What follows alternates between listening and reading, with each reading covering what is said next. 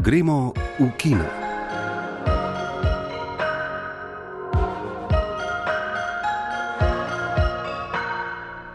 Lepo zdrav v oddaji, ki bo prav tako pestra, kot je pestro trenutno zgodnje jesensko filmsko dogajanje.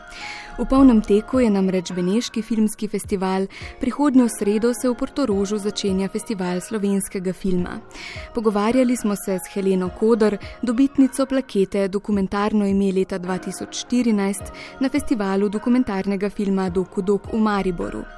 Bili smo na premjeri dokumentarca Kaj ti je film in intervjuvali Sabino Džogič, ki je v filmu ujela pred objektiv 20 slovenskih režiserjev in njihove misli o filmu.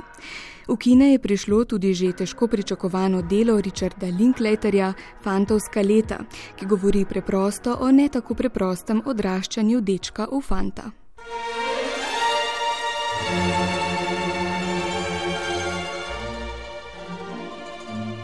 Najprej torej skok v Benetke in na filmski festival z dolgo tradicijo ter enim najlepših ambientov, kot nalašč ustvarjenim za svet filmskih iluzij. Festival spremlja Ingrid Kovač Brus.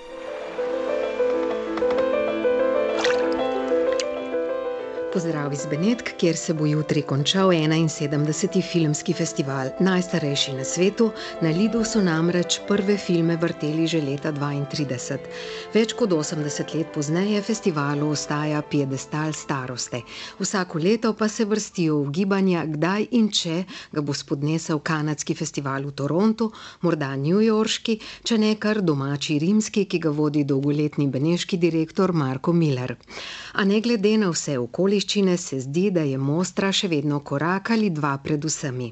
In kakšen je bil 71-letnik? Preden pogledamo izstopajoče filme, ima besedo najbrž največji živeči dokumentarist našega časa, Frederik Wiseman, ki je v Benetkah prejel leva za življensko delo. Avtor filmov Berkeley, Narodna galerija, Titikatske norčije, nasilje v družini in mnogih drugih o dokumentarcih pravi. Uh, Nekoč je veljalo, da so dokumentarci kot nekakšna zdravila. Bili naj bi koristni, po njih naj bi se človek počutil bolje in osveščeno. Ne vidim razloga, zakaj ne bi bil dokumentarec zabaven, žalosten ali tragičen, kot je pravi film, kot sta roman ali drama. In zdaj in medijas res na lestvico kritikov. Tudi tam vodi že od samega začetka festivala dokumentarec. Avtor je znani ameriški dokumentarist Joshua Oppenheimer, ki je lani šokiral filmsko javnost teatrom ubijanja, filmom o množičnem poboju komunistov v Indoneziji, v katerem je pred kamere za potrebe dokumentarca postavil krvnike in jih prepričal, da še enkrat odigrajo dogodke izpred 50 let. Njegov novi film Pogled Molka je komplementaren k prvemu, le da tokrat izpostavlja preživele žrtve nasilja. Vas gledalce sem želel potegniti v zastrašujočo tišino, na kateri so si preživeli morali zgraditi svoje življenja, v katerih so jih zasledovali še vedno zelo vplivni mučitelji. What are we doing here? I got the home back. What? So I have my room back? Yeah. To pa je odlomek iz filma 99 domov, ki je na festivalskih lestvicah tesno ob Oppenheimerju. Režiser Ramin Bahrani prikazuje človeka, ki je ostal brez doma, postal izterjevalec in se tako znašel na drugi strani. Zdaj je on tisti, ki preganja ljudi iz njihovih domov. Režiser Bahrani. Mislim, da je to globalna tema, saj gre za korupcijo, ki je povsod po svetu postala sistemska. Gre za to, da ljudje vstopijo v kriminal tako, da to počnejo skupaj z vlado.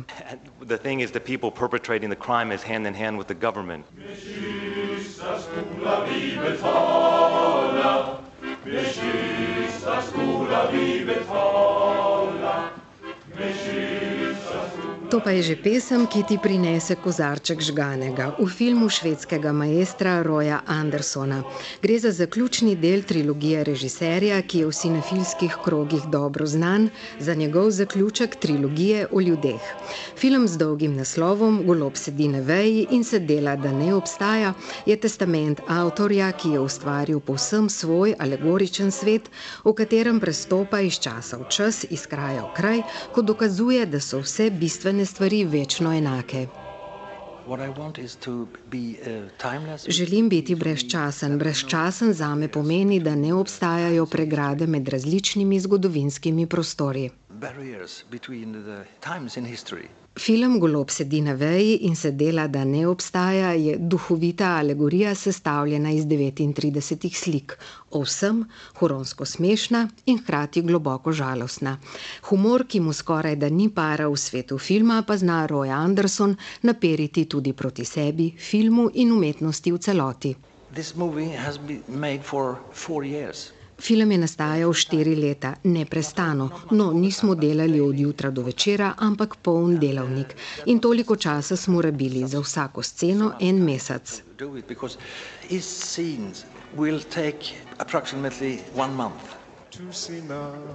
Cosa grande me fa innamorare In še pogled v kinematografijo gostiteljev italijanov, v tekmovalnem programu jih je najbolje zastopal režiser Saverio Costanzo s filmom Lačna srca, ki ga je tako kot enega svojih prejšnjih samotnost praštevil posnel po literarni predlogi. Mlad par, on američan, ona italijanka, viharni začetek zveze, poroka, pričakovanje otroka. Sledi oster res. V novih okoliščinah se pogledi treh osrednjih likov izrazito razlikujejo režiser jih spretno stopnjuje v psihološki thriller, pri tem pa izpostavi nekaj pomembnih tem: začetek družinskega življenja, obsedeno zdravo hrano, poporodno depresijo. Eh, Filma nisem naredil, da bi se postavljal na eno ali drugo stran. Iskreno rečeno, ne vem, kdo ima prav in kdo ne. Na življenja teh treh ljudi gledamo z nežnostjo, naklonjenostjo, brez obsojanja di questi tre personaggi con tenerezza, con dolcezza, senza giudizio. Festival se bo končal jutri s podelitvijo nagrad, že nocoj pa bomo izvedeli, kdo je nagrajenec usporedne festivalske sekcije Tedna kritike, kjer se je premjerno zavrtel dokumentarec Ples Marijo o 92-letni karizmatični argentinski plesavki. Film se konča s plesom na ulici, zadnjo besedo v tem leporočanju pa ima režiser filma Ivan Gergolet. Sem si vedno zaželel, da bi film končal s plesom na cesti oziroma v življenju. Pleski iz študija Marije pa gre v življenje. Toliko iz Benetk še pred projekcijo filma Ebla Ferrare Pazolini o tem, ali bo leto 2014 na Beneškem festivalu, tudi v nagradah leto dokumentarcev, pa v naslednjih poročanjih.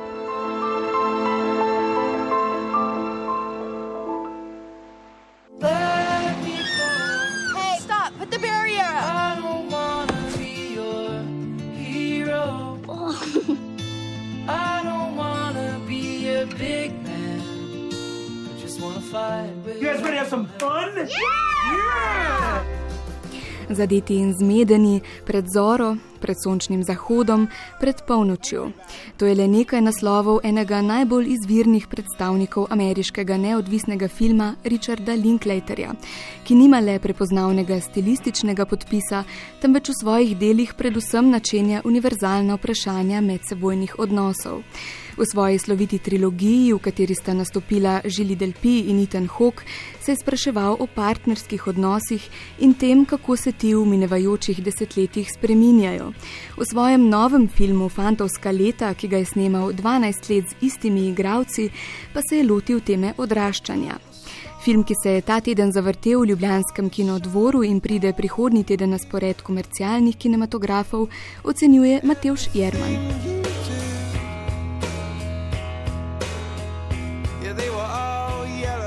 V letošnji distribucijski beri boste težko našli film, ki je požel več kritiške pozornosti in tako enotnih hvalospevov, kakor prav 12-letni projekt Richarda Linklaterja Fantovska leta.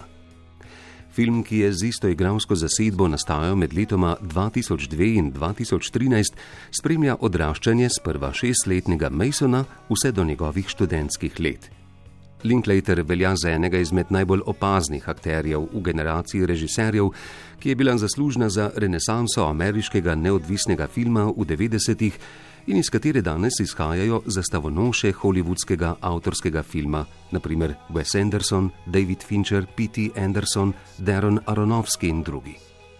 Med naštetimi pa verjetno prav Linklater najbolj konsistentno portretira zeitgeist ameriškega predmestnega srednjega razreda zadnjih dveh desetletij. Njegova dela pogosto odlikujejo linearni scenariji brez klasičnega dramaturškega loka, v katerih prevladujejo preproste zgodbe in vsakdanji glavni junaki. Tako tudi fantovska leta tečejo kakor reka skozi življenje mladega Masona in obenem skozi preteklo ameriško desetletje. V njih se bleščijo fragmenti spominov na najpomembnejše dogodke iz življenja junakov, skozi nje subtilno pronica zgodovina nekega naroda, skupaj z vsemi njegovimi protislovji, popularno kulturo, notranjo in zunanjo politiko ter gospodarskimi razmerami vred.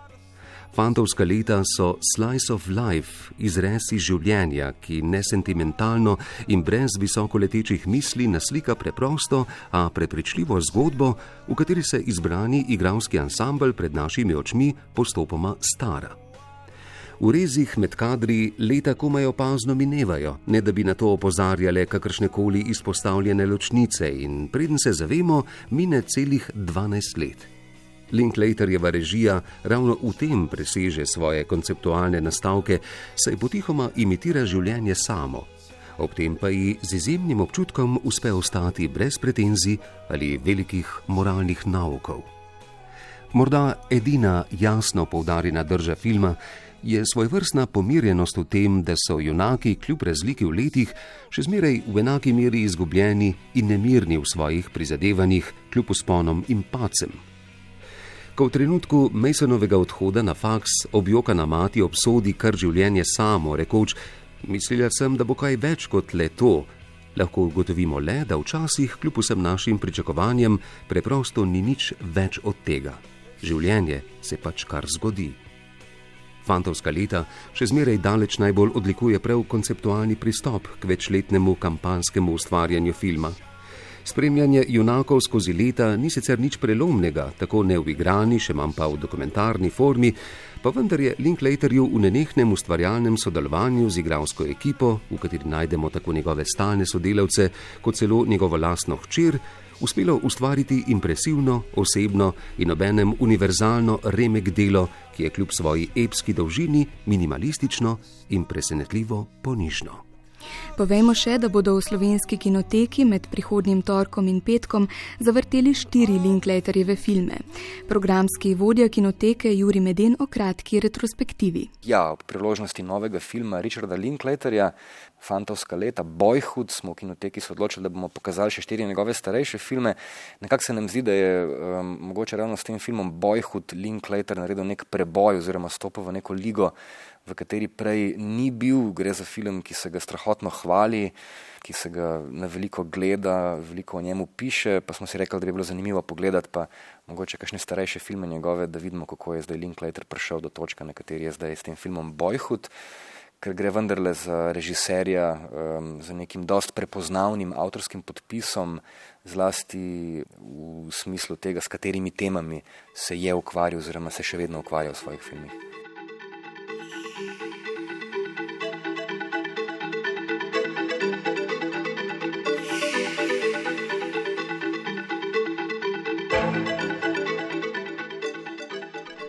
V okviru mednarodnega festivala dokumentarnega filma Doku Dok so prejšnji teden v Mariboru podelili plaketo dokumentarno ime leta 2014 scenaristki in režiserki dokumentarnih del Heleni Koder, ki je v svoji karieri med drugim ustvarila nekaj izjemnih filmskih portretov, naprimer prevajalca Janeza Gradišnika v filmu Mož brez posebnosti ali Radojke Vrančič v filmu Magdalenice gospe Radojke Vrančič. V pogovoru je povedala, kaj ji pomeni ta nagrada. Meni predvsem pomeni to, da pač stvari, ki sem jih naredila, da na ta način, na način živijo. Ne?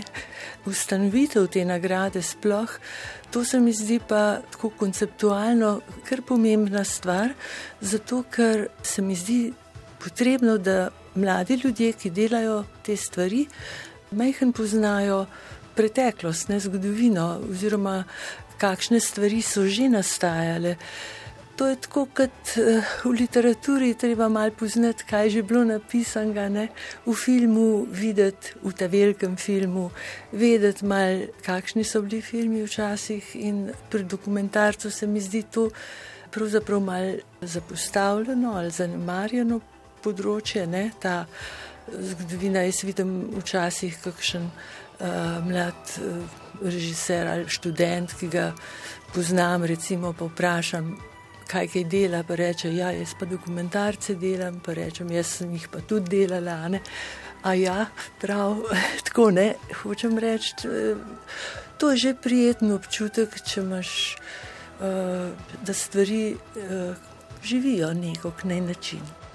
Helena Kodar ima tudi sicer same pohvalne besede o festivalu dokumentarnega filma Doku Dok. Festival se mi pa zdi, da je pa zelo en resen festival ki če se bo tako razvijal, kot je zastavljen, bi pa mogoče na tem področju dokumentarca vendarle vzpostavil več enega sistemskega dela, več razmišljanja o tem, kaj sploh je dokumentarc in tudi razmišljanja o tem, kako na slovenskem to uh, sistematično početi, razvijati.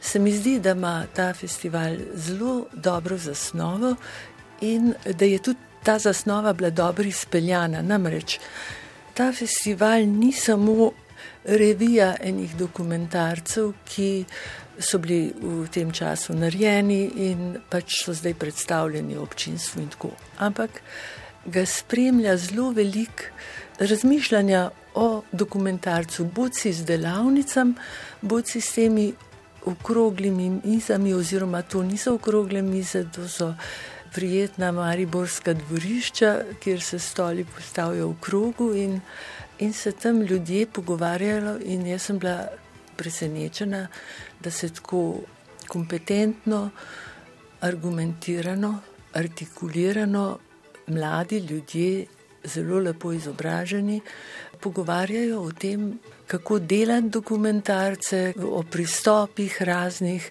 In tudi v bistvu ta nagrada, ne to ime leta, ne, pred mano je bil Jože Pogačnik, pa Mako Sajko.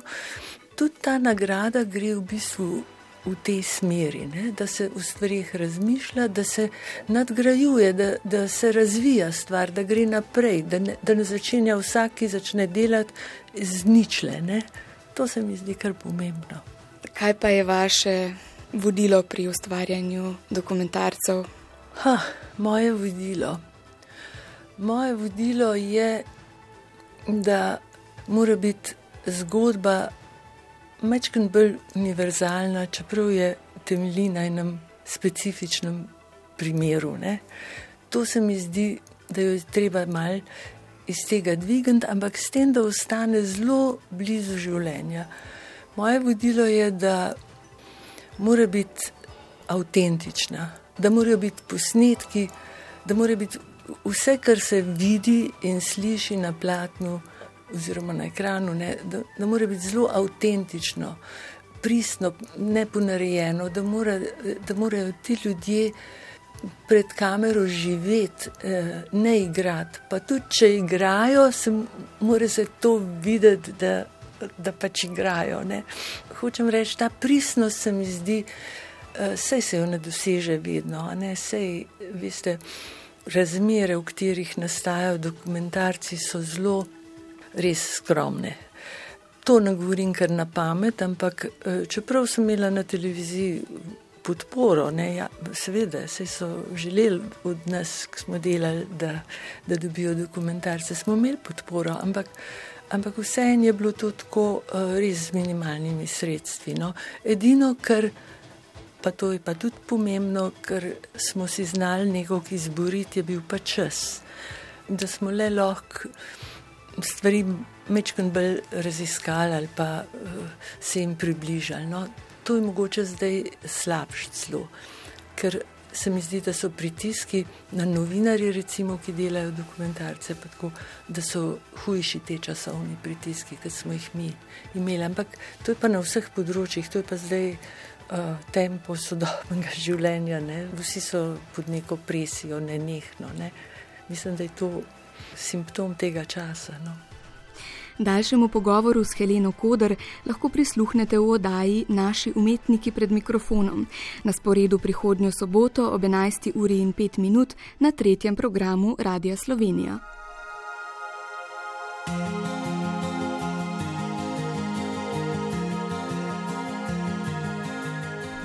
In ostajamo na področju dokumentarnega filma.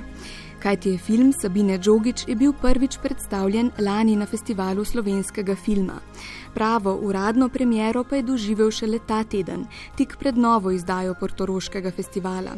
In kot kaže, bo za zdaj to žal edina projekcija odličnega dokumentarnega prvenca te filmske ustvarjalke, režiserke in direktorice fotografije kajti je film na minimalističen način s pomočjo 20 slovenskih režiserjev spregovoril o sodobnem slovenskem filmskem ustvarjanju. Film je hkrati časovni preseg slovenskega filma in intimno poglabljanje filmskih ustvarjalcev v film kot tak. Osnovno vprašanje ni, kako posneti film, ampak zakaj ga sploh posneti. Takole sta se Matej Juh in Sabina Džogič pogovarjala po torkovi premjeri. Sabina, mogoče uvodno vprašanje. Tudi z našo oddajo gremo v kino, si nekajkrat sodelovala, zdaj si nekako preskočila v filmske vode. Tudi deloma režiserji, ki so kako portretirani v tem filmu, govorijo o tem preskoku od recimo teorije v prakso. No, mene pa zanima, kako se je vse skupaj pravzaprav začelo, odkot navdih za film, kaj ti je film. Uh, kot sem povedala tudi v, v samem napovedniku, danes je obletnica, oziroma včeraj je bila obletnica smrti ene moje zelo drage prijateljice, urednice, nekdanje urednice revije Ekran, s katero smo se skupaj z njenim partnerjem pogovarjali, da bi jaz prišla na Filipine in posnela z njuno pomočjo film o filipinskih režiserjih. Tista ideja je bila sicer bolj zastavljena, da bi hodila od snemanja do snemanja, ker so vsi blazno aktivni, se mi zdi, da konstantno nekaj snemajo in prikazati v bistvu način, drugačen način snemanja filmov. Govorim o produkciji, ki je bila dosti časa narejena z zelo malimi sredstvi in je meni to pomenilo tudi neke vrste izhod za me osebno, ker sem vedela, da se vračam v Slovenijo in sem vedela, da nekih realnih možnosti za, za projekte ne bo takoj, vsaj ne takoj. Tako da nažalost se ta, ta projekt ni šel, ampak ostala je nekakšna ta ideja, ne, kako v bistvu predstaviti neko okolje skozi v bistvu perspektivo različnih režiserjev. In ko sem bila ravno tukaj, uh, sem imela željo ne samo spoznati, ampak v bistvu slišati te uh, režiserje, ki delujejo v Sloveniji. Meni prvenstveno ni šlo za to, da bi delala nek portret slovenskega filma ali predstavlja samo slovenske režiserje, ampak v bistvu vse, kar se v našem prostoru dogaja. Prvi režiser, s katerim sem govorila o tej ideji, je bil Vlado Škafar. Ko je on v bistvu pristal na, na to sodelovanje, sem potem nekako uh, začela zastavljati cel ta koncept in zdaj kaj, kdo, na kakšen način bi to predstavljal, kako bi to lahko izvedel. Film ni imel nobenih finančne, nobene finančne podpore, tako da je bilo v bistvu zelo z tega stališča nisem vedela, bom na koncu snimala na telefon ali bomo v bistvu to lahko naredili na mal, uh, vsem mal bolj kvalitetni, v kvalitetni obliki. In uh, potem, ko se je to začelo razvijati, je šlo tako kot dominjene. V bistvu sem videla, da so me vsi režiserji, razen enega, podprli v tej ideji. Vsem je bilo všeč, da se o tem govori, da se to predstavi, da se to enkrat posname in uh, tudi veliko, kar je ne par produkcijskih hiš. Uh, je pomagal z opremo, jaz sem imel v bistvu tako rekoč vse na voljo, od prostora do filmske tehnike. In se je zgodilo zelo hitro. Mislim, da sem v dveh mesecih naredila vse priprave in potem v enem dnevu film posnela, v enem zelo neskončno dolgem dnevu, mislim, da je trajal skoraj 24 ur.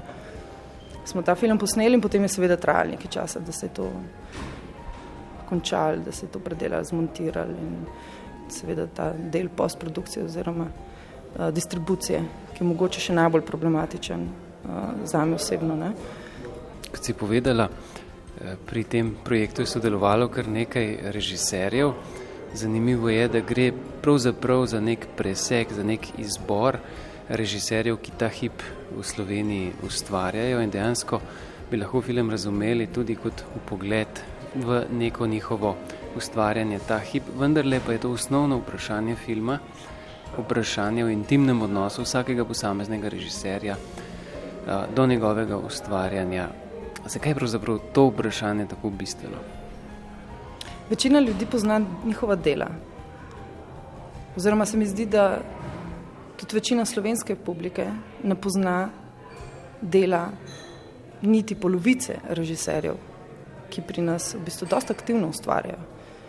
In seveda meni veliko bolj pomembno vprašanje, meni osebno, zaradi česa sploh ustvarjaš to, kar ustvarjaš. Ker zgodbe, pač, zgodbe je ogromno, v primeru, da najdeš uh, možnosti, da jih realiziraš, je nek privilegij, ampak to, da ljudje kljub vsem tem nekako še vedno ustrajajo v tej svoji poti in zaradi česa ustrajajo in zdaj kaj, kaj eh, prek česa se oni identificirajo. Ne vem, meni se zdi vsem to veliko bolj pomembno vprašanje. In to je bilo tudi neke vrste trening, ko sem jaz študirala uh, v Barceloni, ko sem bila na tem programu uh, ustvarjalnega dokumentarnega filma. Ne. Mislim, da je bilo tri četrt časa posvečeno temu, zakaj ti v bistvu hočeš delati ta projekt, ki ga delaš. Drugo je, v bistvu jasno je, kaj hočeš povedati, oziroma morda tudi ne veš, kaj hočeš povedati, ampak kaj hočeš posneti. Ampak ta smisel, ki ga daješ v bistvu ti, ti filmu, mislim, da ustvari to neko dodatno vrednost, ki je vsaj v filmih, ki jih jaz nekako spremljam, uh, veliko bolj izrazito. Vidiš recimo svojo nadaljno pot bolj v okviru dokumentarnega filma ali v okviru igranega filma? V bistvu dva naslednja projekta sta dokumentarna tretji projekt je pa igranje. In nimam zavor v smislu, kaj mi je bliže. Enostavno so, so uh, ideje, ki prihajajo same od sebe, nekako sugerirajo formo, v kateri bi rada delala. Sabina, hvala za pogovor. Hvala tebi. Prihodnjo sredo se v Portorožu začenja letošnja edicija festivala slovenskega filma, ki dokazuje, da je slovenski film še kako živ. V petih dneh bo prikazanih 71 filmov v glavnem programu, med njimi 11 celovečercev, 9 srednjemetražnih in 51 kratkometražnih filmov. Poleg njih si bo mogoče ogledati tri posebne projekcije ter dodatnih 15 del v programu za otroke, mlade in družine. V tekmovalnem programu se je znašlo kar osem celovečercev. Igrani filmi Pot v raj Blaža Završnika, Drevo Sonje Prosenc, Avtošola Janeza Burgerja in Inferno Vinka Medrndorferja. Prav tako dokumentarni deli Kaj pa mojca Urše Menard in Boj za Siniše Gačiča ter koprodukcijska filma Barbari Ivana Ikiča in Ples z Marijo Ivana Gergolita. O programiranju bližajočega se festivala sem se pogovarjala z Igorjem Praslom, ki ga zdaj vodi že drugo leto. Eh, festival slovenskega filma je specifična prireditev, v bistvu moramo biti pozorni na to, da se nekako eh, postavimo nekako v center med to profesionalno veliko produkcijo, med velike igrane celovečerne filme, so financirane strani Slovenskega filmskega centra, študentske filme, HGRFT, ima tudi neko posebno vlogo in moramo biti zelo pozorni, da pravilno izbiramo filme študentov. Ta drugi del, pač ta neodvisna produkcija, ker nastaja vedno več srednjemetražnih in kratkih filmov. No, ampak kar smo lani z ekipo mojih sodelavcev naredili, je bilo to, da smo festivalu dali človeški obraz. da smo v bistvu postavili neko stanje, v bistvu kjer ljubitelji filma delamo festival z filmskimi avtori, za filmske avtorje in ostalo občinstvo. To so nam vsi povedali, da se je začut, začutil ta, to posebno vzdušje.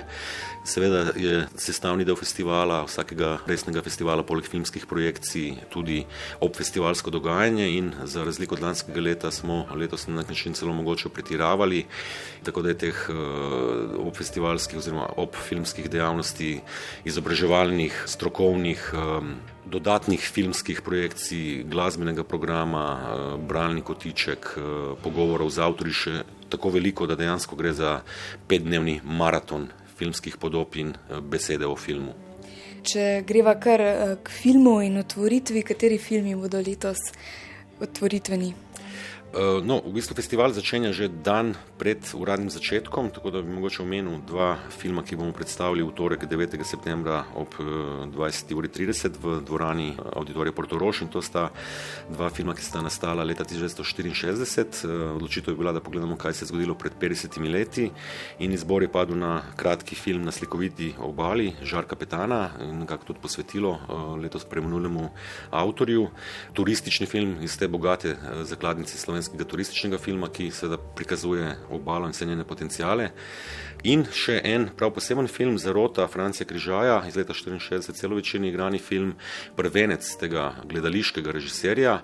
Je pa film zelo zanimiv, kaj ti govori o korupciji, o industrijskem kriminalu, tako da se na nek način lahko postavi povezava med tistimi časi in današnjimi časi, ne, ker so bili problemi družbeni zelo podobni. Na to pa v bistvu že v sredo, že eh, zgodaj zjutraj, v deseti uri začenjamo festival in to so tako imenovane projekcije za za šolsko publiko. Eh, letos smo se še posebej potrudili in imamo zelo veliko, več kot tisoč obaljnih šolarjev, bo prihajalo gledati filme.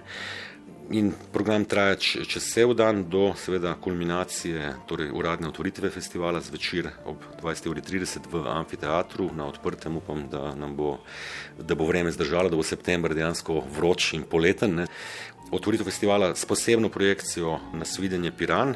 To je kratki dokumentarni film Kristine Ravnikar, ki je nastal kot posvetilo propadajočemu eh, studiu Vibe filmu v Fornačah in uh, kjer je Kristina Ravnikar posnela intervjuje s tremi starostami slovenskega filma, Demetrom Bitencem, Ivanom Marinčkom in uh, Ljubom Struno v prostoru teh fornač in to je tudi napoved ene velike razstave Piran na filmu, ki jo prirejajo obalne galerije in se bo odprla konec oktobra, če se ne motim. Potem pa pač uradni del festivala otvarjamo s kratkometražnim eksperimentalnim filmom Saša Podgorška in Istoka Kovača, Vašava, plesni film, zaključek trilogije o rudarjih eh, in eh, celovečerec, ki odpira festival. Eh, izbira je padla na prvenec mladega avtorja Blaža Završnika, film z naslovom Pot v raj, o katerem se tudi že kar nekaj govori in mislim, da, da bo film tudi prišel v kinematografsko distribucijo po tej premjeri v Portorožu. Kakšno pa nasploh bera letos? Zanimivo je recimo, da se je prijavilo celo več filmov kot lani. Tako je v bistvu en več številčen, ampak o tem lahko govorimo, da se jih je še več prijavilo. Ja, zelo veliko, kot sem že prej povedal, neodvisne kratkometražne in srednjemetražne produkcije. Eh, demokratizacija medija, digitalizacija omogočila, da veliko ljudi snema filme. Kar je meni zanimivo, je to, da eh, filmi nastajajo nekako geografsko po celi Sloveniji. Mislim, da, da ni neke bele lise oziroma mogoče ne vem, bela krajina Kar se mi zdi zanimivo, je tudi to, da je veliko uh, slovenskih študentov, ki odhajajo na študij v tujino, tako da smo želani postavili tudi to pravilo, da se v študentski sekciji predvajajo tudi filmi slovenskih študentov, ki študirajo v tujini. Tako da imamo, mislim, filme uh, iz Nemčije, iz Švice, iz Srbije, iz Polske, če se ne motim. Ne? Tudi to je en, en tak zanimiv trend. Drugače pa recimo zanimivo, da se pojavljajo še druge šole, Univerza v Novi Gorici je zelo uspešna, tudi letos bila eh, zelo, mislim, večina filmov prijavljenih je tudi sprejeta. Ava Media. Ta trend je, smo zasledili tudi pri oblikovanju strokovnega programa in v bistvu posvetili eno okroglo mizo, eno debato v bistvu ravno temu m, mm, procesu visoko, visokošolskega izobraževanja na področju filma v Sloveniji. Tudi letos pa boste v okviru festivala podelili Badjurovo nagrado za življensko delo. Uh, ja, Badirovo nagrado uh, v bistvu podeljuje Slovenski filmski center, ampak uh, festival slovenskega filma mu služi kot uh, prostor, kjer se ta nagrada podeljuje. Nagrado podeljuje komisija, Njena odločitev je bila, da letošnjo nagrado Metoda Badjure podeli Hani Projs, zelo pomembni in uh, svetovno uspešni oblikovalki zvoka. Festival se je pa poklanja z organizacijo razstave v galeriji Meduza 2 v Piranu, eh, en izmed galerij, obaljnih galerij, bo na ogled uh, postavljena njena instalacija kantata na besede in podobe uh, Žeja. V času festivala bomo pa v auditoriju pokazali v tako imenovani črni škatli v Lupu tudi eksperimentalni dokumentarni film Hane Slaknjane ščirke z naslovom Sonolog. To je pa eksperimentalni dokumentarni film, ki prikazuje nekak uh, dejavnost uh, Hane Projs v zadnjih letih. Vabljeni tudi k poslušanju oddaje Arsov Forum, v središču katere bo festival slovenskega filma. Gostje bodo direktor festivala Igor Prasel, selektorica filmov Katja Čičigoj, direktor slovenskega filmskega centra Joško Rutar in dekan AGRFT-ja profesor Miran Zupanič. Odaja bo na sporedu prihodnjo sredo ob 14. uri in 5 minut na tretjem programu Radia Slovenija.